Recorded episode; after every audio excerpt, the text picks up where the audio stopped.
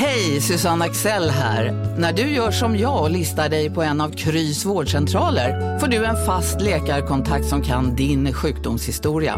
Du får träffa erfarna specialister, tillgång till lättakuten och så kan du chatta med vårdpersonalen. Så gör ditt viktigaste val idag, lista dig hos Kry. Ah! Dåliga vibrationer är att skära av sig tummen i köket. Ja! Bra vibrationer är att du har en tumme till och kan scrolla vidare. Alla abonnemang för 20 kronor i månaden i fyra månader. Vimla! Mobiloperatören med bra vibrationer. Upptäck hyllade XPeng G9 och P7 hos Bilia. Våra produktspecialister hjälper dig att hitta rätt modell för just dig. Boka din provkörning på bilia.se xpeng redan idag. Välkommen till Bilia, din specialist på XPeng.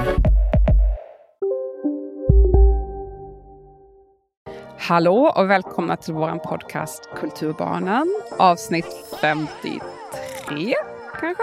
53? Nej, 54 ser du. 54! Avsnitt 54! Och det är med mig, Ida Thirén, live från Berlin. Och med dig, Pontus de Wolf live från eh, Alskog i, på Gotland. Gotland. Wow. Jag kanske ska, ska, ska kanske vara mer specifik. Jag är live från Neukölln i Berlin. Ja, se där. kanske kan vara ännu mer specifik. Det blir med en gång mer spännande då. Eller att Ja, man känner att man precis. är så här extremt lokal och liksom eh, jordad i, i platsen man befinner sig på. Det är sant, det är inte så abstrakt längre. Det är så, oh, jag är Nej. från Tyskland. Jaha, okej. Ja, som när man geotaggar bilder. Då känns det astråkigt att liksom skriva Stockholm. Mm, För att Jo, det ska det vara sant. mer liksom Räntmästartrappan eller något sånt där just Extremt det. specifikt. Men det är nästan, jag är nästan tvärtom. När jag bodde i Los Angeles och sådär, då har jag nästan gjort tvärtom. Att jag säger folk, ah, jag har bott i USA. För då säger, säger man såhär, ah, jag har bott i USA. Jaha, okej. Det låter inte liksom... Mm. Men säger man att man bott i Los Angeles eller New York, då får folk- så himla mycket förutfattade meningar och de beter sig jättekonstigt. Inte alla, men vissa människor blir verkligen konstiga då. Och bara så här, Ah, Jaha, vem tror du att du är? Eller går i defensiv eller blir så här avundsjuka eller blir, har massa förutfattade meningar om de här platserna och vem är det som Mm. bor där och vem är det som söker sig den platsen. Och det är sällan positivt faktiskt när jag säger till folk att jag bott i Los Angeles. Oh, wow. det, är, inte, är inte neutralt. Hur kan så. du stå för det? Typ? Ja, men det är inte så här, åh, neutral plats. Typ. Så jag har bott Nej. i, jag vet inte. Men typ London känns lite mer neutralt på något sätt än typ Los Angeles. Av- Det är bara min personliga erfarenhet, jag vet inte. Men eh, Berlin Mm. känns lite mindre hotfullt för folk. Det är liksom så här, "Ah, ja, hon är i Berlin. Det är inte så, här, vem Verkligen. tror att hon är? Det är så, Ja, "Ah, ja, men liksom- det är inte Berlin." London-Berlin känns ju också som att man har kunnat säga det i generationer. Alltså liksom Ja, om, det är sant. om min mamma hade bott i London, då hade folk fattat vad hon menar. Fast på sitt sätt liksom. Men hon hade inte kunnat bo i LA. Då hade, det hade varit liksom verkligen en annan planet. Det ja, precis. Det kanske är just det att den har lite den här exotiska flavorn över sig. Liksom. Mm. Och Det är ändå så lite pretentiöst på något sätt. Eller så anspråksfullt. Typ. Alla vet att det är så här dyr plats och där händer det mycket saker, mycket kändisar. Ja. Jag vet inte ifall det är det som gör att folk blir lite så här, vad är det här? Typ. Jo, men man, man, man associerar det ju med att man har jobb där. Alltså som är specifikt ett så här LA Hollywood-jobb. Att man jobbar med Ja, musik. det kanske, din värld musik eller min värld kanske som eh, film eller filmmanus. Eller, Mm. Ja, det har jag hört att de sysslar med. Men, eh, ja, men exakt, att man liksom gör anspråk Ja. på något vis. Så här, vad, har, vad, har du, vad har du to show for Ja, men lite så. Eller så här, Liksom. "Aha, vad vill du göra? Vem, vad Ja. tror du att du håller på Jag, jag vet inte. Jag, jag uppfattar bara att jag, Mm. sällan mottagen på samma positiva sätt som om man var på så här, jag, vet, jag bor i Göteborg, typ. eller jag bor liksom i Värnamo. Och så här. Ja, det är ja. mycket mer sympatiskt. Jag säger, "Ah, jag bor i Los Angeles. Aha, okej, ja. Jag vet inte, jag bara, det är inte alla, men jag, jag har Ja. märkt tendensen. Så därför brukar jag ofta säga att jag bott i USA istället för att säga att jag bodde i New York först och sen i Los Angeles. Mm. Ja. Det är liksom ingen, det är mycket trevligare bemötande då. För det är så här, aha, USA, det är så här abstrakt. Typ. Vad fan är det där? Om du säger att du bor i Berlin, då är liksom allt från low life och uppåt accepterat. Det är lite mer, jag uppfattar att det, i alla fall i min ålder, då uppfattar jag att Berlin är lite mer neutralt. Mm. Är du 22 och bor i Berlin, då är det lite så här, ha, okej, ja ja. Ja, ja. Det- finns också- Får, det, får det ur kroppen. ja, precis, typ. det finns förutfattade meningar om det också. Mm. Men är man liksom 35 plus och bor i Berlin, då är det liksom inte lika mycket förutfattade meningar. Men så här, okej, du har jobbat väl med något kreativt och kanske Mm. trevligt för dig. Typ. Det låter som en trevlig stad att ha barn i. Så. Det, alltså, det är lite annan vibe. Eller du har hittat dig själv och åker dit för att andas. Ja, Känner jag också. det, det, kanske det är det jag gör nu då. det är det jag ja. gör nu. Nej, men det är inte det. Det är inte det man gör i, i LA. Nej. I LA åker man ju liksom, i vår ålder för att tömma sitt garage. ja, precis. I mitt fall åkte vi dit för att tömma ett garage. Där bott en hemlös i garaget så att det var väldigt mycket saker. Mm. Helvete. Ja, det var mycket saker som jag inte kunde behålla på grund av olika kroppsvätskor och annat. Åh. Men eh, nu är jag i Berlin. Eh, jag är ju faktiskt här, eh, jag kanske berätt, ska berätta varför jag är här. Ja, gärna. Jag är nyfiken själv. Ja, jag har ju varit här nu en vecka. Eh, Vi spelade in podden på tisdagen, Ja. jag åkte på onsdagen. Och anledningen, jag kommer vara här en och, en halv, en och en halv vecka till, så totalt två och en halv vecka. Och anledningen till att jag är här är faktiskt för att jag fick ett stipendium Åh. för att åka till Berlin. Nu blev det genast mycket mer, nu Mm, blev jag, nu, nu blev jag ja. mer fittig. nu blev det inte lika sympatiskt längre. Jaha, okej, vem tror hon att hon är? Ehm, nu kan jag inte komma undan med den här gulliga grejen till dig. Men jag har fått pengar för att Mm, åka hit. Ah, okej, vem fan är jag? Eh, nej, jag sökte pengar från en um, publicistklubben som är så här, för, Oh, yeah. för journalister Ja. och skribenter och sådär. Och de har jättemycket stipendium att dela ut, så jag var verkligen en av väldigt många som fick stipendium. Och jag sökte pengar för att åka hit och läsa tyska. Ehm, och det kommer att täcka mina kostnader att läsa tyska i två veckor. Och saken är att jag har bott i Berlin i nästan tre år tidigare. Mm. Och eh, även varit här efter det under längre perioder. Känt från bland annat min roman Att omfamna ett vattenfall. Mm. Så om ni vill veta om Ida i Berlin 2010-ish kan ni läsa min bok. Det finns i pocket. Väldigt bra sommarläsning. Ida i Berlin lät Um, nästan som en palindrom. Men vi går inte in på det. ja, exakt. Ja, precis. Min nästa Eh, bok. så, den, så jag befinner mig åter på samma plats som boken utspelar sig. Eh, samma, mycket i samma område, för det är nämligen där min tyska kurs befinner sig. Så jag är där varje dag, Mm. eh, där boken utspelar sig. Så det är lite speciellt att titta, titta på. Så här. Det finns en väldigt central scen i boken som utspelar sig på en spårvagn eh, vid Rosenthalerplatz. Och jag sitter, tar den där spårvagnen nu varje dag för att gå till min tyska klass. Så det är lite Mm. speciellt att jag liksom återupplever, så här, 12 år senare återupplever jag det som jag beskrev i min bok. Alltså så här, ja. Du gör ju alla som fall, så här ehm, Har- Harry Potter-fanresor. När man åker till så Victoria. Station typ. åka till, Plattform 9 och en halv. är det, är det ånglok, M10. Ida? Ja, precis. Du har- du har ja, det är ett samma än så länge. tåg. Det är toppen. Det är samma tåg Ja. och det är samma årstid Mm. och det är samma temperatur. Eh, Det var 36 grader här i söndags till exempel och det är också i boken väldigt, väldigt varmt. Och jag befinner mig i, så här, så lite speciellt då, så här, återuppliva. Um, jag kan till och med ha sett en person som finns med i boken häromdagen, men jag är inte säker. Wow. Så det är mycket spe- speciell tid, så här, Mm. speciellt udda sammanträffanden. Men, ehm, så jag, först var jag här då i några dagar och ehm, värmde upp inför klasserna eh, och min kille Gabriel följde med. Mm. Eh, så vi sprang runt på lite utställningar, bland annat på, eh, det finns en biennale i, här i Tyskland eller här i Berlin, ehm, som är en då konstbiennal och den, alltså kommer, biennal betyder att den kommer varannat år, om man inte är bekant med de här termerna. Jaha, ja, det var ehm, inte jag. Men det var ju bra att du upplyste Alltså mig. bi, bi är ju två, alltså bisexuell, bi, vad kan man säga? Bilateral. Um, bilateral, Mm. ja. Det betyder ju två. Uh, bilingual. Um, så att det är ju då biennale, så det är varannat år. Och det tror jag var det den trettonde gången här, kanske tionde gången. Och jag har varit på tre av de här. Mm. Är tredje gången. Um, och jag var där för två år sedan och jag var där för tio år sedan. Um, eller 12 år sedan. Men i alla fall så det är då en konstutställning och den är, väl, den är på flera olika platser. Jag har varit på två hittills. På Kunstverket som ligger i mitten Mm. och eh, Hamburger Bahnhof som är en gammal eh, eh, tågstation som är ombyggd till konsthall som jag verkligen rekommenderar att bes- besöka om man åker till Berlin oavsett årstid. Den är helt otrolig lokal tycker jag. Den är en väldigt vacker lokal. Mm. Ehm, det är liksom gammal, jättestort rum med så gammal tågstation. Så det är så här, konst överallt. Ehm, och det är på ytterligare tre platser till, men jag har bara hunnit besöka två. Mm. Och den här biennalen är väldigt eh, politisk, Mm, måste jag mm, säga. Det är väldigt mycket så här antikolonial, eh, eller dekolonial, antirasistisk eh, konst. Så att den är mycket konceptuellt, kan man Mm. säga. Eh, vilket innebär att det är väldigt lite exempel måleri, utan det är väldigt mycket så koncept och sådär. Och, vilket också har sin charm, men det är ganska tungt måste jag säga, för det är verkligen dark, heavy subjects. Ah. Ehm, viktigt såklart, men det är inte så mysig eftermiddag på museet, utan det är så här, okej, nu går vi djupt in i det här. Bland annat, kanske allra mest psykiskt utmanande alltihopa som jag har sett hittills var ett konstverk, jag ska kolla upp vad konstnären heter sen, men, ehm, där man går in i en labyrint med olika upptryckta bilder från Abu Ghraib-fängelset. Ni vet, där de låste in de här ehm, påstådda eh, ja, alltså 9-11 Just jihadisterna. Alltså, Ja. Vad heter han nu igen? Usama bin Ladins eh, folk. Liksom. Man låste ju in dem i fängelse. Mm. I alla fall, det är amerikanska soldater som liksom befinner sig med då påstådda liksom, terrorister och så vidare i väldigt så här sexuellt våld laddade situationer. Alltså det är så här, de personerna eh, förnedras eh, på ett så här, ganska sexuellt vis. Och de här bilderna, enda beviset för att det här brott, krigsbrottet eller vad man ska säga, pågick var för att amerikanska soldaterna själva fotade som en slags så här, haha, kolla vad jag gör. Jag får den här personen att visa rumpan. Liksom. Ja, just det. De Ehm, satte koppel och hålla dem runt och halsen. Ja, precis. Du minns de här bilderna. Ja. De bilderna har han tagit och tryckt upp i så här flera meter högt och byggt som en labyrint när man går igenom de här Mm. väldigt stötande bilderna.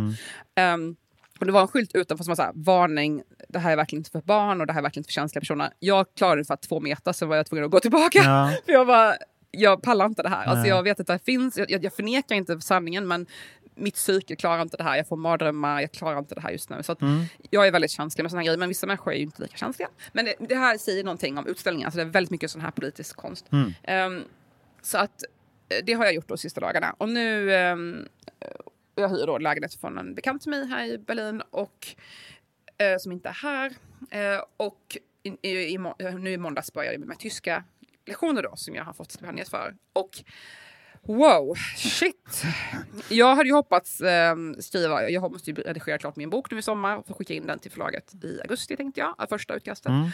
Och jag har inte kunnat tänka en tanke för att min hjärna är friterad ägg. Numera, tidigare var det min hjärna, nu är det en måltid. Um, för hungriga amerikaner, scrambled. Nej men alltså, det är, jag har liksom, som sagt jag har bott i Tyskland tre år, eller Berlin, Mm. så jag har ändå ehm, eller befunnit mig i Tyskland, bott, ja. Ehm, så min, jag har ändå lyssnat mycket på språket och förstår ganska mycket, för det är väldigt, likt svenska, som ni vet, som bekant. Ja. Så man läser kan man efter förstå och pussla ihop lite. Jaha, jag kan lite franska, jag kan spanska, jag kan engelska, okej, och svenska. Okej, jag fattar det mesta när jag läser. Eh, och lite grann när jag lyssnar. Men jag kan ju inte prata, liksom, jag kan inte grammatiken. Så att, att gå, kasta mig in i de här, så här två gånger 90 minuters lektionerna på, per dag Mm. eh, i ett nytt språk. Alltså, jag är så... Ny plats, nytt språk. Alltså min hjärna är så... Men nu tycker jag dag, efter dag, dag tre att jag har börjat liksom landa lite och börja förstå. Jag har lärt mig så mycket på tre dagar. Jag fattar inte hur mycket jag har lärt mig på tre dagar. Det är helt Oj, vad häftigt. Ja, det var länge Alltså, det sedan är så jag bra pluggade lära... något. Ja, pluggade, pluggade något överhuvudtaget och framförallt språk. Så att, det är jättekul faktiskt. Jag förväntade mig att så här, var lite så ah, ja, kul att jag fick pengarna, jag, jag får väl göra det här då, Mm. så jag kan åka till Berlin. Typ. Och nu så inser jag att det här är ju fett. Alltså, jag tycker det här är jättekul. Jag känner mig så inspirerad. Ehm, det är liksom jättebra lärare, det är väldigt blandade klasser. Jag trodde kanske det skulle vara massa bara 19-åringar från USA, Mm. typ så här, utbytesstudenter. Men det är väldigt blandat. Någon har gift sig med en, tysk och behöver lära sig eh, tyska. Någon är en eh, valthornspelare från Barcelona som är runt 50. Carlos som eh, vill lära sig tyska för att han tycker det är kul med tysk opera. Alltså det är väldigt gud, så här, nice. någon är en finsk, finsk programmerare som vill lära sig. Så det är väldigt så här, någon är så här 19-årig student från Tjeckien. Alltså det är väldigt blandade grupp, typ 10 personer i gruppen och det är jättebra lärare. Så att jag är helt så här, verkligen över förväntan av den här upplevelsen. Så jag kan varmt varmt rekommendera att ge sig på att lära sig språk senare i livet. Definitivt.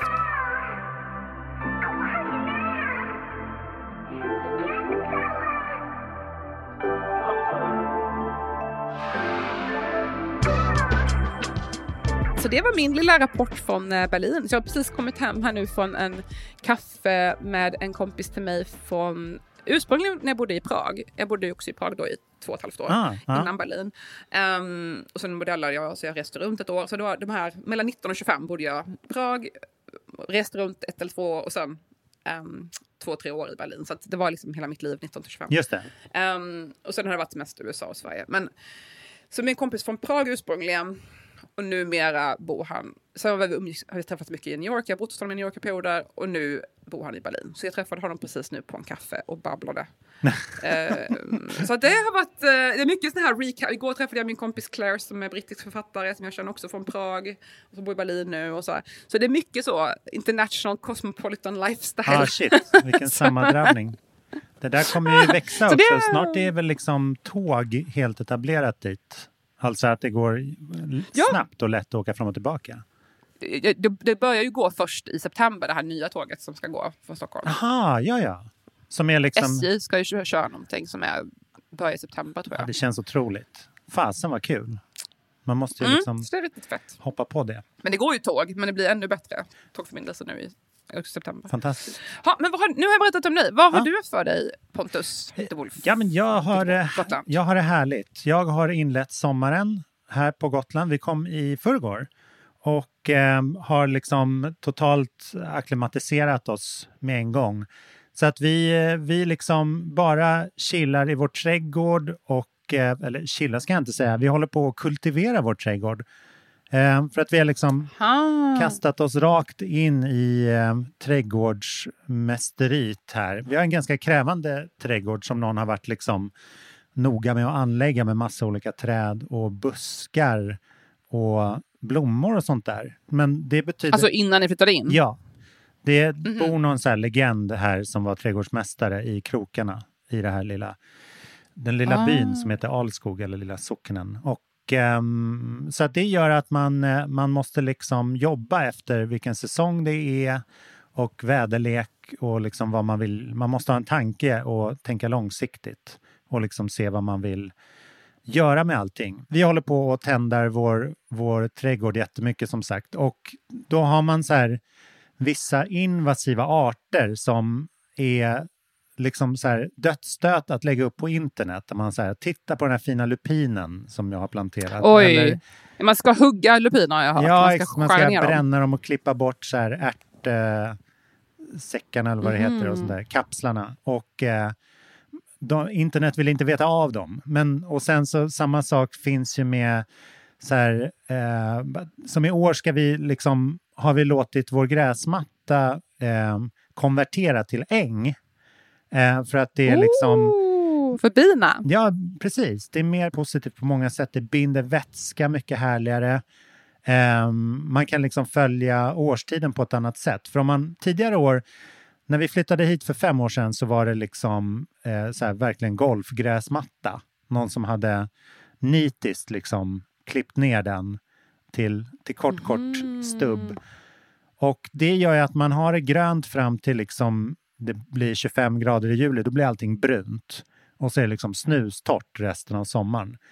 Men nu, nu när man liksom låter så här gräset fånga upp vattnet och det liksom blir så här örtigt och massa, massa härligt med det. Ehm, men då märker man ju också att man liksom, vad fan, varenda växt är ju typ invasiv. Vi har så här eh, såna här rosor, jag kommer inte ihåg vad de heter, häxros typ. Och eh, Okej. ehm, olika citronmeliss. Allting liksom handlar bara om att man måste grabba tag i situationen. Och just som att så här, jag, här arrangerar jag konserter på väldigt liten yta. Så där. Man, potentiellt så slåss man om samma publik. Som jag har haft vissa år när så här, grannstället började ha konserter och oj, då var det samma kväll liksom, och så får folk välja, ska de till den här eller till den här? Men då gjorde jag liksom, för några år sedan så ringde jag runt till alla och bara sa så här, kan vi inte dela med oss av våra scheman så att vi inte lägger Nej! samma liksom, artister på samma kväll? För att det blir bara liksom negativt för alla inblandade. Eller om man... Men gud vad bra gjort. Ja, men visst var det. Och att om man, om man så här, ja men vi ligger fem mil mellan varandra, vi konkurrerar inte, ska vi inte försöka gå ihop och liksom boka samma? Ah. Så att man kan få till en större, för då får de fler tillfällen att jobba. Liksom. Vad bra du är Pontus. Jag önskar att alla gjorde sådär. Det, tack, det är tack. precis så. Ja, det ska du få cred för tycker jag. Ett annat sätt att göra det här på är ju att bara alla gör eh, samma skit. Jag såg att det var ett Mm. reportage eller en sån granskning eh, i Dagens ETC av Egil Söderin som, eh, som, är författ- som är journalist. Mm. Och de hade kört drönare och eh, inser att alla hade typ brutit mot strandskyddet Mm. och lagt ut stängsel och förstört eh, gemensamma stränder. Och, så alla hade ju bara tillsammans gått ihop och eh, Ja, det allmänna. liksom. hur man liksom utnyttjar det där på ett hemskt sätt. Ja, det funkade ju jättebra för grannse- grannsämjan säkert, men eh, alla andra som inte har fått den här stramplätten tycker ju att det var rätt sopigt gjort. Ja, nej men exakt. Det, det där går ju att utnyttja för vidrigheter såklart också. Ehm, och det var ju roligt att när de, man, jag såg bara en liten trailer för det här de, dagens ETC är ju väldigt duktiga på att göra, göra sociala medier av sin liksom ganska, ganska djuplodande journalistik, om man säger. Mm. Alltså det blir så här klick, klickigt. Och då hade de ju någon, någon gammal farbror där som sa så här, det är någon som har klagat till kommunen för att de är avundsjuka. Så eh, Men eh, ja, eller så har vi en lag i Sverige som ni var skit i. Ja, precis. Och det, det finns ju ett sånt där gammalt härligt eh, eh, Strindberg-citat att avundsjuka är det namn som överklassen givit de fattigas krav på rättvisa. Vilket jag tycker Oh, sitter burn. väldigt bra här här ja, det var bra. situationen. Jag vill passa på Ja, jag vill passa på att nämna då när du säger att Dagens ETC har så bra eh, sociala medier. Mm. Att, eh, jag, kan, jag har sagt det förut i podden, men jag säger, det var så länge sedan så säger det igen. Men jag har ju bara haft ett jobb i mitt liv. Eller typ eh, så här, eh, en längre period, Mm. vilket var typ tre månader. Och det var ju som marknadsföringsansvarig för ETC eh, för typ 2010. Mm. Och ehm, jag fick det här jobbet, jag, jag jobbade där typ januari till någonting, april kanske. Och sen så insåg jag att det här är ju ingenting för mig, jag klarar inte av att ha ett heltidsjobb. Jag jobbade halvtid också, jag tror jag bytte halvtid efter typ en månad. Det var då Eh, de jag började bli bra, kände jag.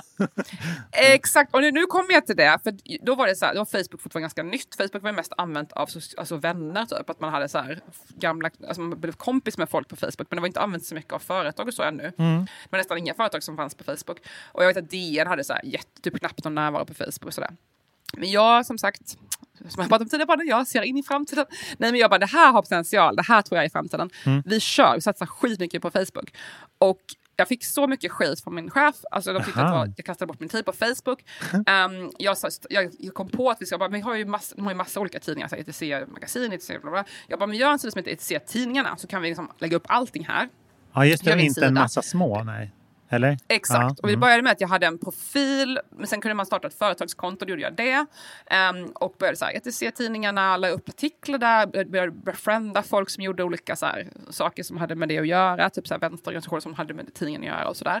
Och bara så här, la upp artiklar och försökte tipsa och så här, var aktiv där och liksom eh, attendade event eller, eller höll på Ja, liksom, ja, på Facebook.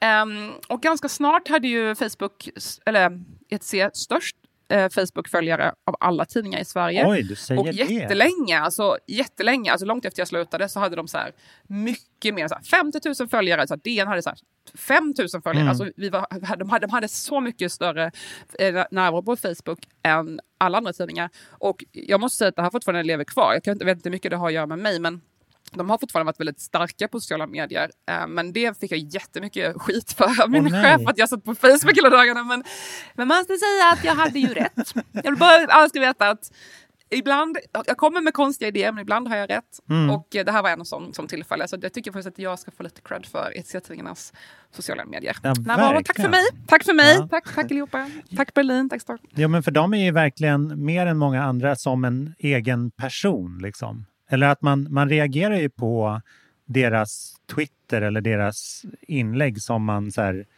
man, man kan verkligen börja tjafsa med, med den tidningen i sitt eget huvud. Det finns ett tilltal liksom. Ja, men det, man, man gill, jag gillar dem ändå. Eller liksom de säger ju, Mm. de talar ju utifrån det de tycker. Det är inte som att det flaxar i åsikterna riktigt, även om de är Ja. hårda i tonen. Ja, nej, så det var... Ja, det var ju liksom... Det, ibland är det också long game med det där. För att det var såklart... Jag satt, ju, satt jag verkligen bara och slö, slöade på Facebook. Inte Mm. slöade, men jag satt ju där och typ utifrån såg det ut som att jag satt och bara och, eh, roade mig. Liksom. Mm. Men det tar ju tid att bygga upp den här sortens eh, kon kontakt med folk och kärnverks, alltså kärnrötter. Ja. Så det, var väldigt, det, var väldigt, väldigt, det blir väldigt väl förankrat att folk visste aha, de håller på med grejer, de kan man bjuda in och de är aktiva och de håller på så här. Ja, Och jag tror att det är mycket som man får tänka med många saker, att det finns liksom förankrat i folks medvetande om att det här är liksom en plats, eller det här är en akt, eh, någonting som är aktivt. ja inte bara precis. uppifrån utan också nerifrån. I've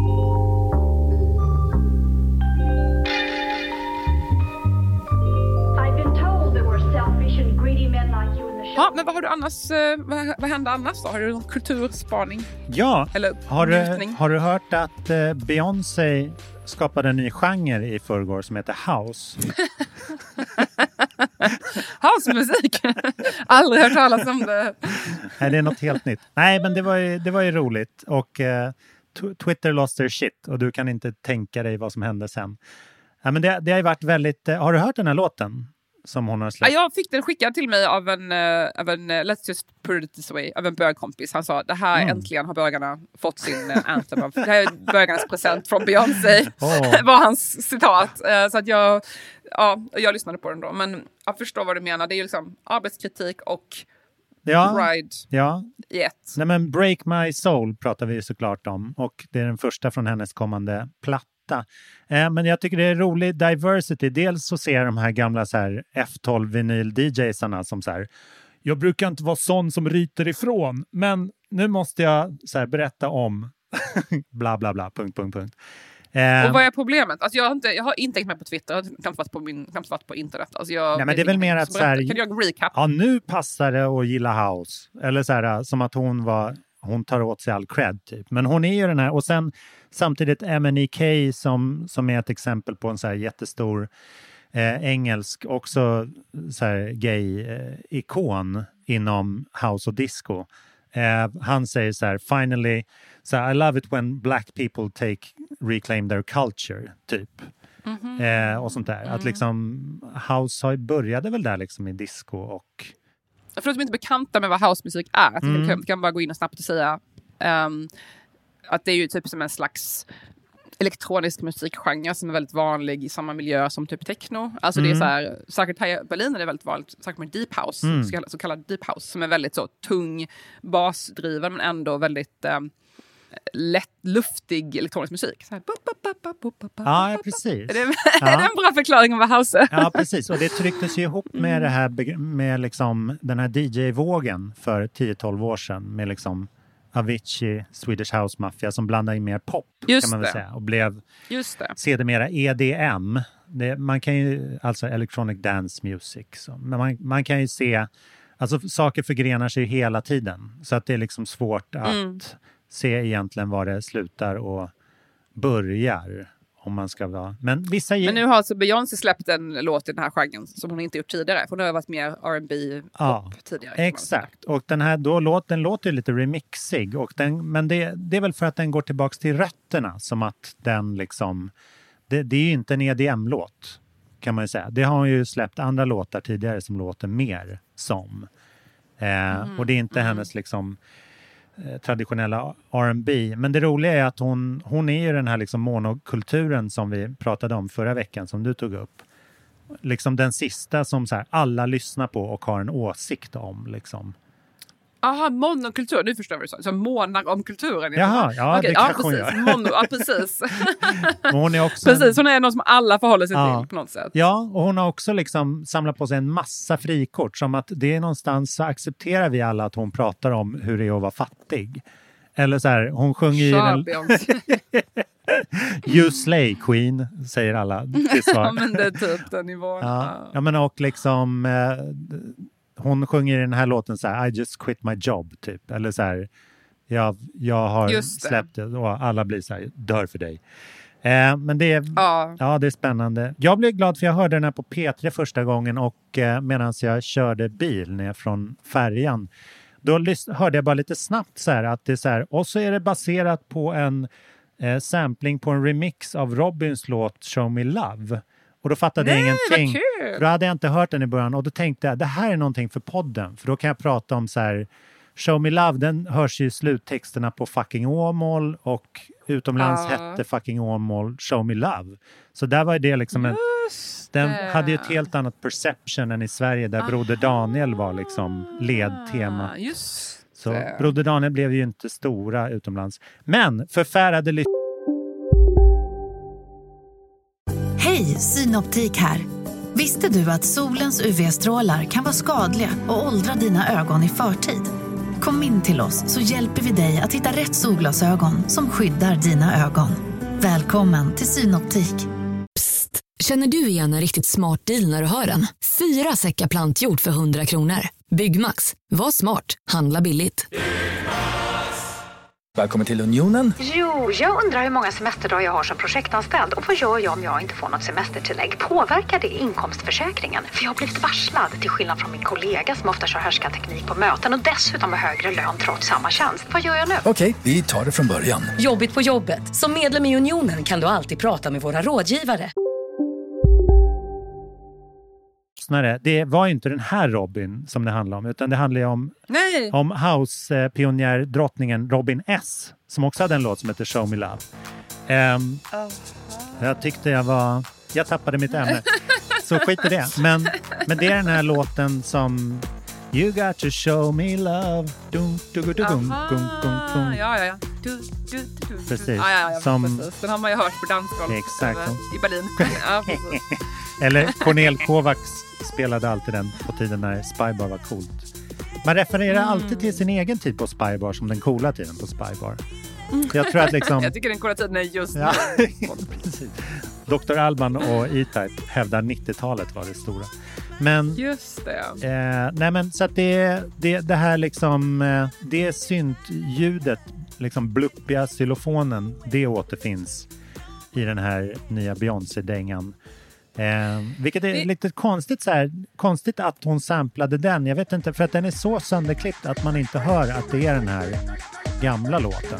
För att liksom ljudet finns på olika syntar. Så att det har bland annat liksom Azealia Banks och en massa andra artister använt sig av det här ljudet. Men det kanske är mer så här hommage eller snackis för att nå ut i pressreleasen.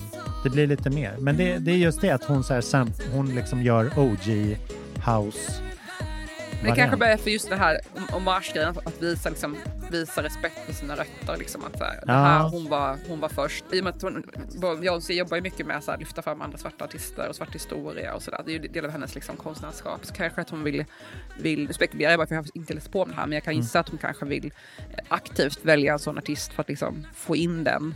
Kanske presentera den för TikTok-generationen. Ja, precis. Ja, men jag, jag tror också att hennes grej är att vara OG med det hon tar sig för.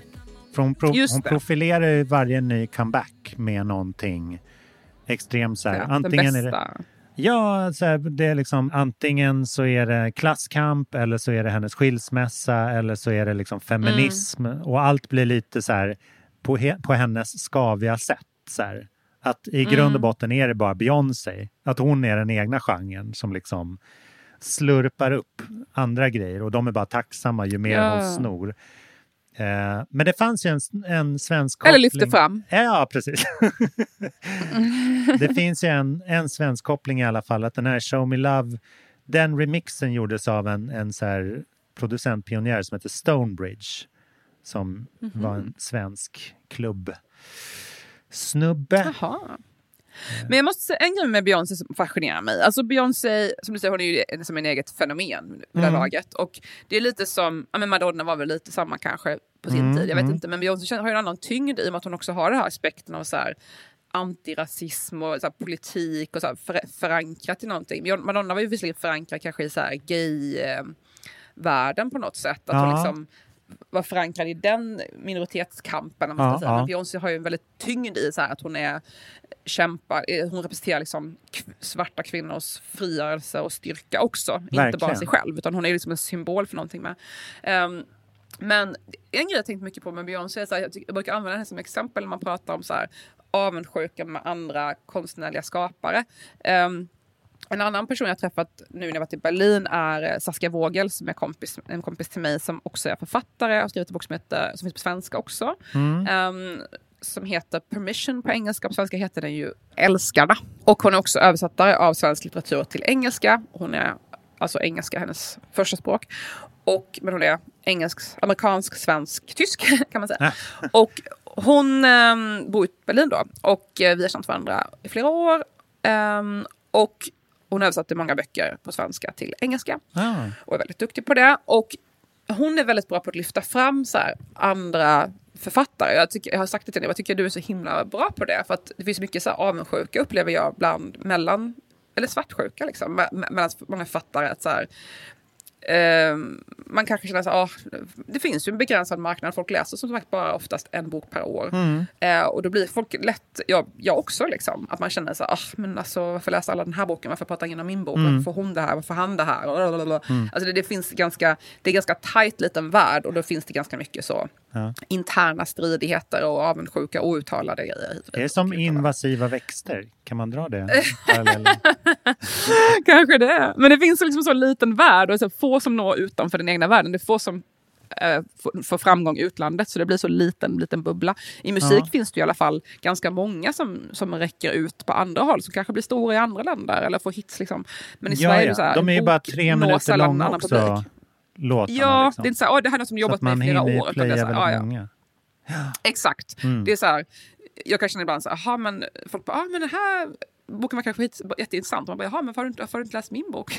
alltså det, är så här, man blir, det som finns en sån begränsad tid folk har Mm. att läsa. Och då blir det så här, jaha, men varför vill du läsa det här och inte min bok? Mm. Istället för en låt, så här, de flesta, man får, ah, visst jag kan lyssna igenom boken, låten tar tre minuter, jag, jag hör lyssna, alltså, Även om inte den är för mig så kan jag liksom lyssna Mm. igenom den utan att ta ansträngning.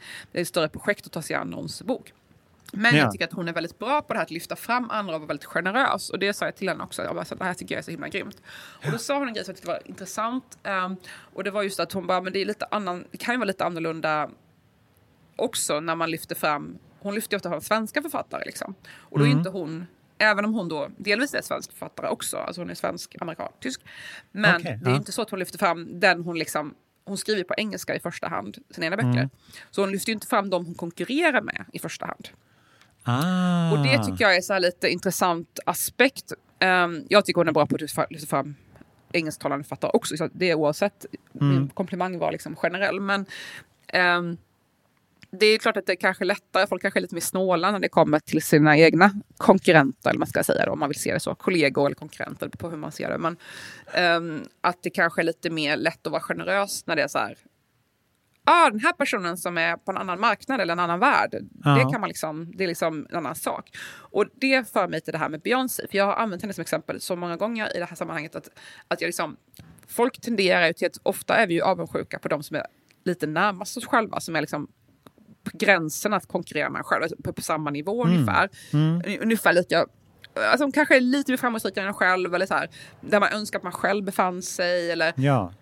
Folk, Eller folk lite bråkar- snyggare i klassen. Liksom. Ja, Eh, precis, lite Mm. snyggare. Så här. Eller typ som det här typiska att man tävlar med sina grannar, vem som har bättre bil. och så här. Du jämför det med den som bor på samma gata, inte de, någon annan, utan du jämför med de som är allra närmast en själv. Mm. Och det finns säkert någon så här jättelogisk, eh, så här evolutionär anledning bakom det här, att man jämför sig med sin egen gr- ingrupp istället för att jämföra sig med en annan grupp. Mm. Men det jag alltid tänker så här, det är ingen som är avundsjuk på Beyoncé. Eller Mm. kanske de finns, men det är som att hon blev i ett annat universum, Ja, så folk ja. jämför sig inte ens med henne. De är liksom avundsjuka på varandra. Man tävlar med folk som, som egentligen är lika utsatt för situation som Ja, en själv, ja. eller lika så här, prekär eller skör situation som en själv. Men man är inte avundsjuk. Men Beyoncé, hon, hon står liksom på en annan planet. Så att liksom, om jag då säger att jag är då musiker istället för att göra det här mer, Mm. inte handla om mig personligen. Utan så här, säg att jag spelar musik och så är det någon som är lite mer framgångsrik än mig och också spelar musik och vi har hållit på för lika länge och plötsligt får hon jättemycket framgång eller han får jättemycket framgång. Mm. Ofta kanske man jämför sig med någon samma kön, så jag säger hon då. Mm. Ehm, så här, hon, vi är så lika varandra, samma ålder, eh, men hon får bara lite bättre hits än mig, hon får lite mer uppmärksamhet Ja. media, hon får vara med i tv. Och henne kan ju göra en galen, den Ja, personen. verkligen. Medans Beyoncé sitter där på sin jävla tron och typ allt hon rör blir guld och hon har hur mycket pengar som helst, hur mycket framgång som helst, alla älskar henne. Varför är det ingen som avundsjuk på henne? Alltså det är så ologiskt hur våra hjärnor fungerar. Och jag tror bara det, det här är bara hur det är. Alltså vi jämför Ja. oss med de som är närmast. Men jag tycker det är ett intressant fenomen. Hon kan liksom stå där helt orörd på något sätt. Ja, men det, hon är bara äga. väldigt untouchable. Men det är väldigt lätt att peka på henne och säga, men gör det där själv då. Och så är det ju liksom ingen annan som kommer klara det, typ. Nej, så den- är det ju visserligen. Så att man blir lite, det. man, man, eh, man tappar ju stinget i sina argument. Men de enda som man kan känna liksom att det är lite orättvist mot, det är ju så här, l- liksom Kelly och Michelle. Alltså de andra i Exakt. Destiny's Child. Att så här, Exakt. För de tre var ju equal. Och sen så, så Mm. flög en iväg, så att säga. De andra har säkert liksom Och de är jättebra liv. Och de är ju säkert jätteavundsjuka på, eller de kanske inte, men de skulle ju kunna vara Ja, men där på kan vi ju läs, de, läsa in eh, avundsjuka i alla fall. För där finns det i en potential att de skulle kunna vara Mm. i samma nivå. Vi andra har ju inte ens någon chans, så varför ska vi liksom titta på det? Men Mm. de är ändå så här, rör sig i samma... Kanske, så här, kanske ett Lady Gaga avundsjuk på Beyoncé. Vem Vad vet, vet jag? vem vet. Men eh, Lady Gaga har ju en bättre filmkarriär. Å andra sidan. Men det här spelar ingen roll Pontus. Mm. Det här har jag märkt. Alltså, man, man, det finns allt, folk tittar alltid på den framför sig. Alltså, det är som samma Mm. sak som att folk jämför sig alltid med grannen eller den som är precis längre fram än själv. Mm. Rika människor bara, ah, men han har ju två eh, flygplan, jag har ju bara ett. Ja. Liksom. Och man bara, hallå du har ett flygplan, vad håller du Ja. på med? Och de bara, vadå? Men Mm. mina kompisar har ju två flygplan, varför ska jag liksom? Ja. Alltså, det är ingen som bara såhär, åh, folk är väldigt dåliga på att vara tacksamma för det de har, utan de är väldigt bra på att jämföra sig uppåt. Ja. Och det här är ju en generell regel i allt, att vi bara vill ha mer, mer, mer, mer, mer. mer. De flesta av oss. Ja. Eh, inte några få lyckliga personer. Bless, bless your heart. Men eh, det, mitt andra knep, när jag får den här känslan, bara så här, jag jämför med andra och blir avundsjuk, eller känner så här, ah, fan varför får inte jag göra det där? Mm. En grej som jag tycker är väldigt viktig då, är att försöka tänka så gott jag kan, vända på mina tankar och istället tänka så här, åh vad inspirerande, man kan göra det här. Det här är möjligt, Mm. det här finns, det här existerar. Aha, man kan göra det här. Aha, man kan vara med på den här festivalen. Aha, det finns den här saken. Det finns Ah, möjlighet. Det ja. finns människor som läser Ja. böcker.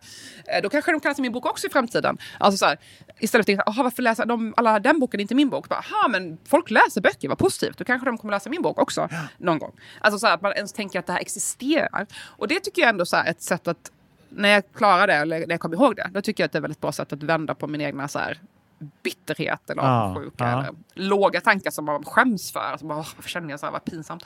Men nej, just det. Det här finns. Ja. Det är positivt. Låt mig inspireras av det här istället för att känna mig hotad av det.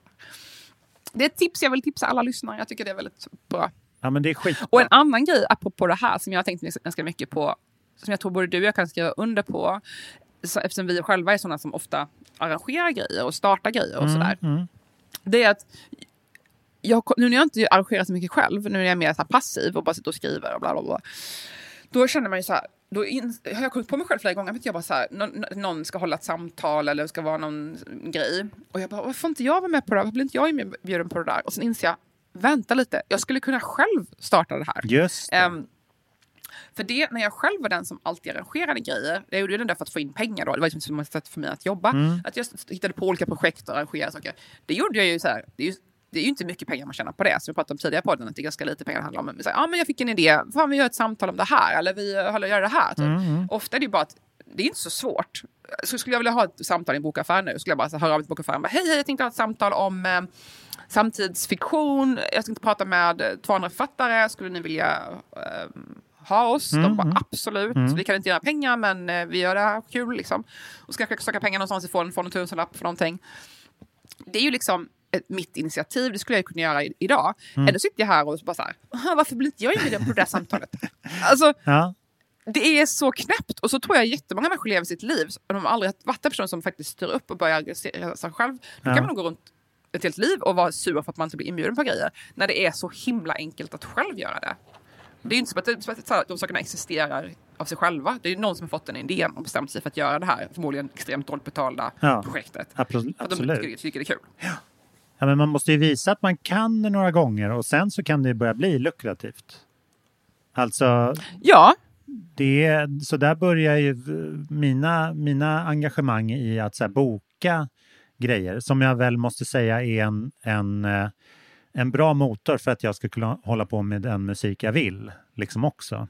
För att nu är liksom streaming är extremt tufft att få ihop några pengar på. Så då måste man ju ha liksom en sidoverksamhet. Men det började verkligen med att så här, känner du någon artist som kan spela liksom på ett ställe eller något? Att det började i en så här väldigt eh, opretentiös ända. Så här, kan inte du fixa kontakten till den här artisten så ska jag kolla om de vill spela här. Så sa ställen till mig. Och sen så började jag så här, ja men nu har jag sett hur, hur kedjan fungerar. Så här, en beställare ber om någonting från en artist, kollar med deras manager och så här, betalar ett gage och bokar ett hotellrum för den, typ, och en ljudtekniker.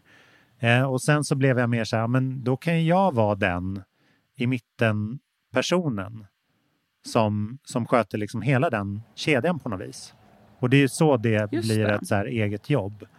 Men då, då måste man ju börja väldigt, väldigt småskaligt. Antingen genom att man liksom praktiserar på ett bo, bokningsbolag eller inte vet jag. Eller något så här arrangör, ett eventbolag kanske. Eh, Mm. Och sen, sen så bara kastar man sig ut och börjar sköta allting. Och så kommer det säkert massa folk och bara, "Aha, varför får hon arrangera grejer? Eller varför får hon göra allt det här kul? Varför får de vara med på det? Man bara, Ja. bara gör det. Det är, inte, det är inte svårt. Man får inga pengar för det. Bara gör det. Det finns säkert folk som är avundsjuka på vår podcast. Mm. Ja, Alltså, absolut. det- Varför har den det tar oss jättemycket Ja. Ja, alltså så här, vi har inte jättemånga lyssnare, vi, har inte, vi lägger massa tid på det här, vi får inga pengar för det här. eh, Men vi gör det. Mm. Och det finns säkert pengar som folk som avskyr på oss. Bara, ah, varför gör, har, har hon en podcast? Varför har inte jag en podcast? Ja. Eller vad vet jag? Alltså jag har ingen aning. Men det finns kanske. Mm. Um, hör av er. Skojar. Nej men alltså, det, det är ju bara så, aha, börja då. Sätt igång. Det är inte som att någon kommer be. Det är ju ganska få som blir ombedda. Så här, kan inte du göra det här? Det är ju när man har blivit väldigt, väldigt känd och Ja. etablerad. Då kanske folk hör av sig. Bara, kan inte du göra det här? Typ. Men ofta börjar det ju med att man själv får bevisa sig. Sen kan jag tycka efter en viss punkt, Mm. alltså vid det här laget tycker jag faktiskt att folk skulle kunna höra av sig till mig lite oftare. För Mm. jag tycker att jag är så pass kompetent. Men eh, ja, ja. Men man får väl fortsätta just kämpa på. Ja, men nu har vi börjat faktiskt få lite förfrågningar i liksom podd, eh, för vårt poddformat eller vad man ska säga, som kommer till Mm. hösten. Och det, då måste man ju också, efter ett tag så är det viktigt att man kan säga så här, ja men vi har hållit på ett år. Eller liksom att vi har någonting showing. Något, Just något det, att det är visa inte upp. bara så här. liksom. Ja, Jag hörde nyligen att de flesta poddar har typ bara ett avsnitt eller något sånt där. det var en kompis som jobbar i radiobranschen som berättade det att de flesta poddar kommer aldrig förbi liksom, tio avsnitt eller vad det var. Nej. Jag vet inte exakt siffran.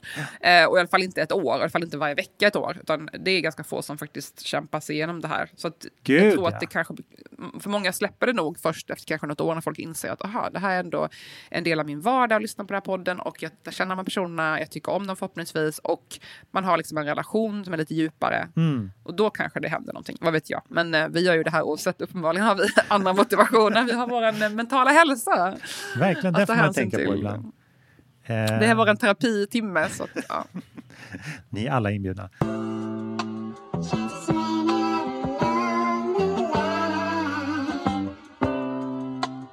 Man blir också väldigt så här svårattackerad och lätt att tycka om i den rollen. Som är liksom så här bjussig och inbjudande och inte ser faror med liksom andra författare till exempel. Ja, alltså det är otroligt sympatiskt och jag önskar att många fler var så. Mm. Eh, Att man var mer generös med tipsa om andra författare och sådär. Mm. Ehm, eller i ditt fall musiker, alltså så. Ja, Um, vi har pratat mycket om tidigare på den i typ varje avsnitt, att så här, det är ju ge och ta i den här världen också, ja. kulturvärlden. Men det är det som hiphop är så jävla bra på, till exempel. Att liksom, Mm. man, både som fans och kollegor lyfter ju fram nya låtar och artister som ett liksom... Om man, om man skulle Just göra samma det. kampanjande inom pop så skulle det liksom kosta miljontals kronor. Som det delandet. Som när rappare lyfter fram varandra och liksom promotar varandra. Ja, Det, eller fans. ja, det är en annan kultur alltså. Mm. Eh, det är väl lite så här, kanske finkulturen är kanske lite mer sådär, man är lite mer det finns en individualitet som kanske har att göra med någon slags kolonial historia. Mm. Av så här, jag har den här geniet på toppen Ja. och jag ska vara speciell och liksom, jag ska inte dela med mig till någon annan. Eller, ja, det kanske kommer från någon sån eh, grund. Jag vet inte riktigt var det härstammar ifrån. Ja, Um, en hierarkisk struktur som jag tror hiphopen kommer från mer så här, kollektivistisk, så här, underground, vi jobbar nerifrån, vi hjälps åt, vi lyfter varandra ja. till att komma uppåt. Istället för att vi trycker ner alla andra så att jag ska vara på toppen. ja. I, i så här, intellektuella sammanhang. Ja, liksom, vi- fin citat. Vi lyssnar ju uppåt och vi väntar ju på att en recensent eller en så här Per Sinding Larsen ska liksom lyfta oss. Alltså Just det, det här godkänn inom mig. Ja, att det är liksom, vi kollar ju Mm. där snarare än så här, eh, utåt till fans. Liksom. Hur kan jag förankra mig i liksom, Ja. eh, verkligheten? Ja, men det är därför jag, aldrig, jag kan aldrig så här, äh, se ner på, eller nu gillar jag dem väldigt mycket, men så här, som grupper som Det vet du. Som är liksom lite Mm. så här eh, eh, kommersiell, inte vet jag, barn. Det, det är inte riktigt så här finkultur popmusik om man Det är säger mycket så. covers va, eller hur? Nej, det är det inte, men det, det, är, mycket, Nej. alltså, det är mycket humor och så här, liksom stekig, eh, stekig humordansmusik. Men, men de är väldigt mycket så här att de skapar kultur kring sin musik genom att de så här ber sina fans göra videos till dem. Alltså de gör så Mm. här temalåtar till den här, liksom, liksom pre- pre-TikTok verkligen. Att så här, nu ska ni ha, den här, det här är en studentflakslåt, liksom. Filma när ni åker studentflak till den här. Eh, men alltså, det anses väl vara liksom glättigt och lite jobbig Det är musik. inte så djup musik. Det, den är inte så Nej, djup. men att- mm. Men den är förankrad hos, hos eh, lyssnarna. Ja, som, som metod så är det väldigt slags- eh, bra, tycker jag. Mm.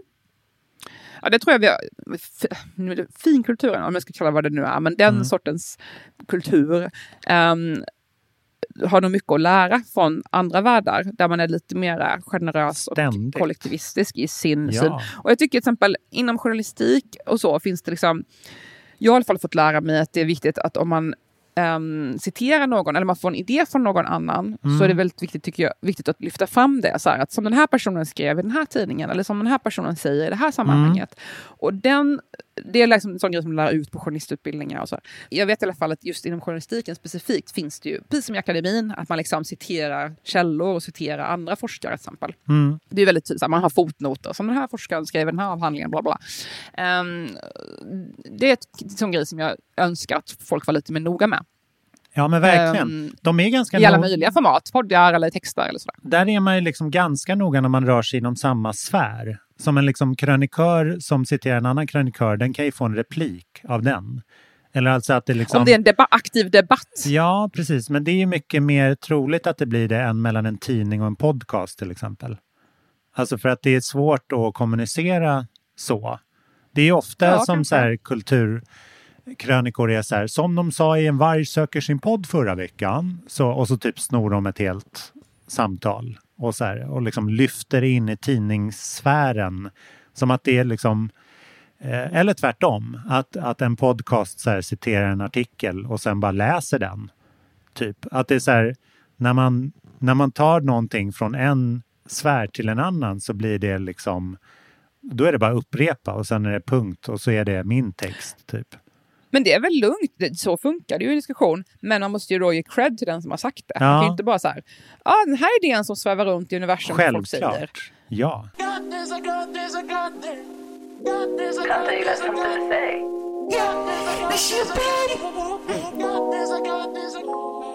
Jag kan ge en liten, ett litet sommartips.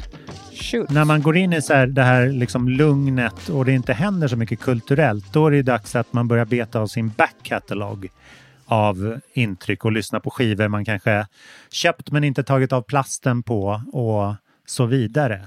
Eh, vi har faktiskt börjat kolla på Squid Game.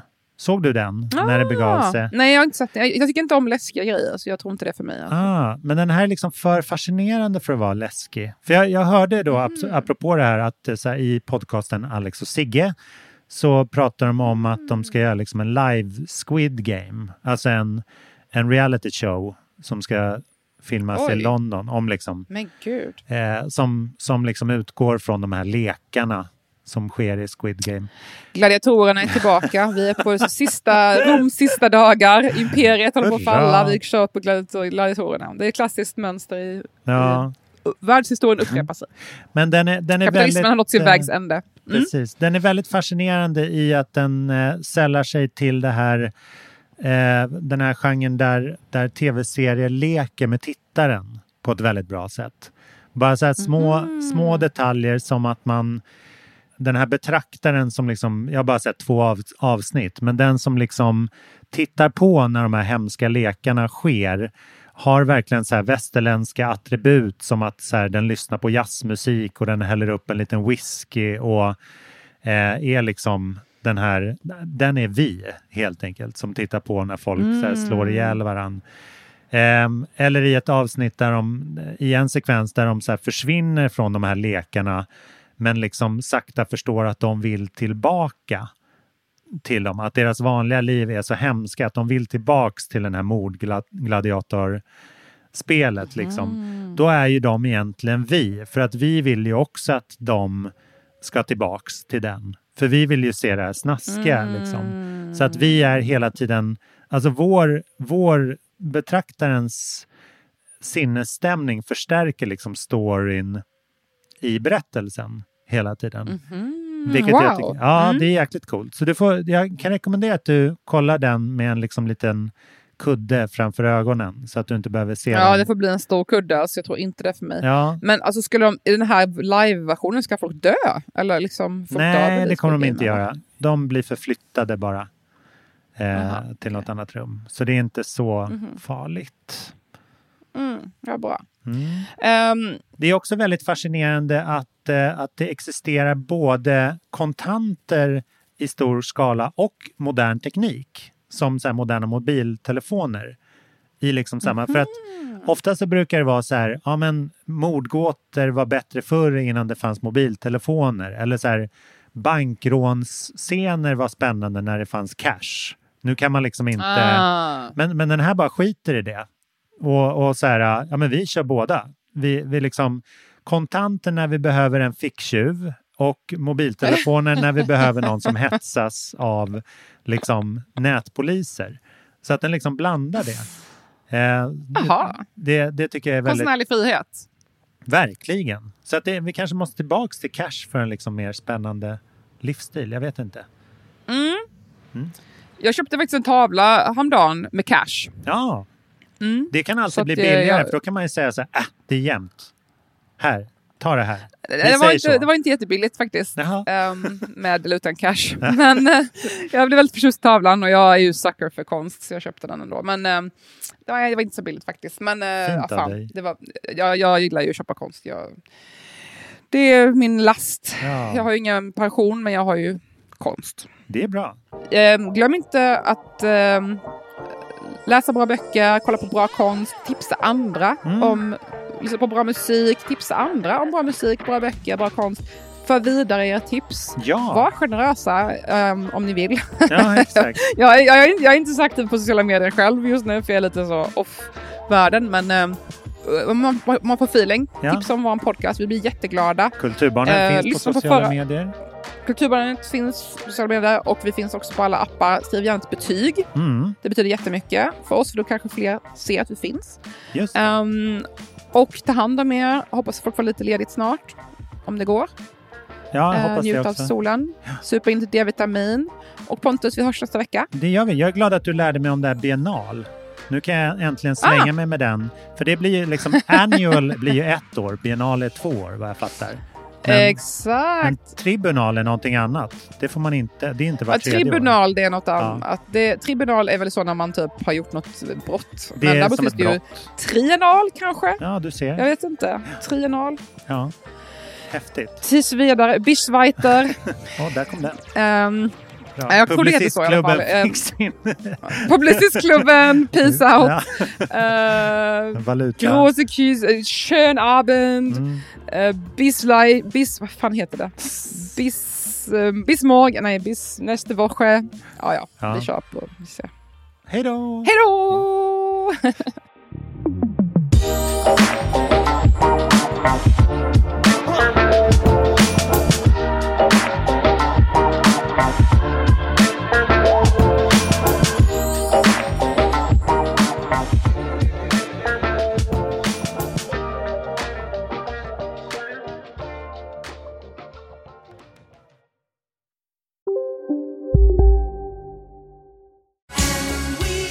Just nu till alla hemmafixare som gillar julast låga priser.